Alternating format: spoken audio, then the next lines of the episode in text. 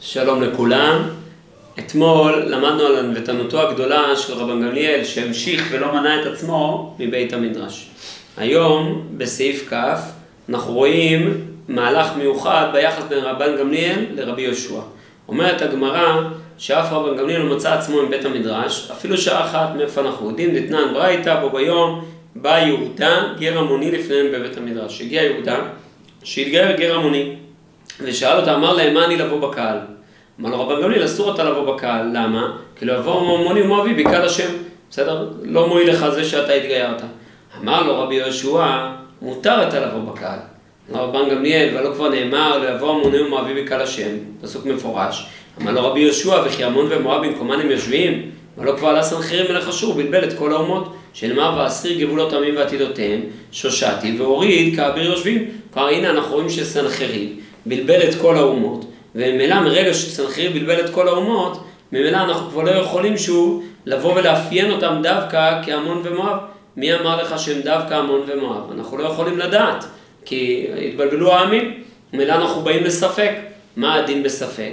כל דה פריש, מרובה פריש. ברגע שדבר לא נמצא במקום הקבוע לו, הוא יצא מהמקום הקבוע לו, אני מסתכל עליו כהלוך אחר הרוב.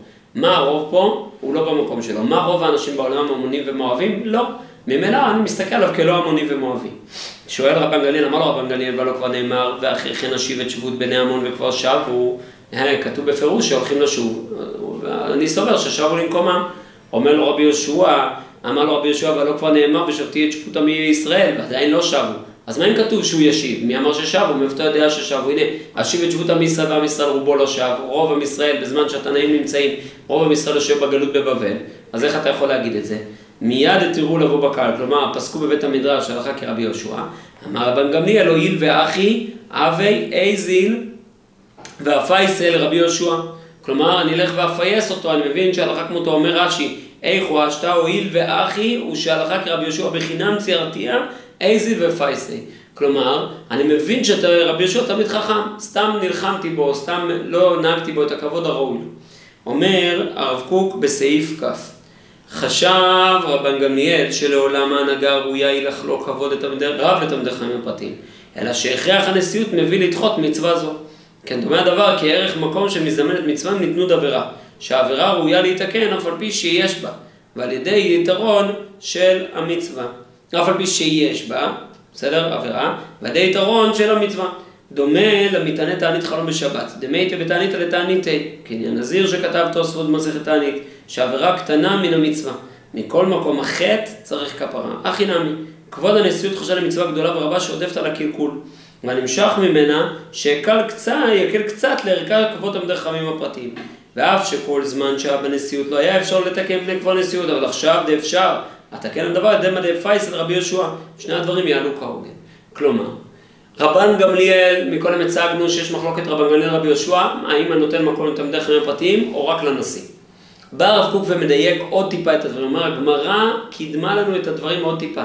למה רבי יהושע בא לפייס? כי רבי יהושע ידע מאז ומעולם שיש מקום לתלמידי חיים הפרטיים.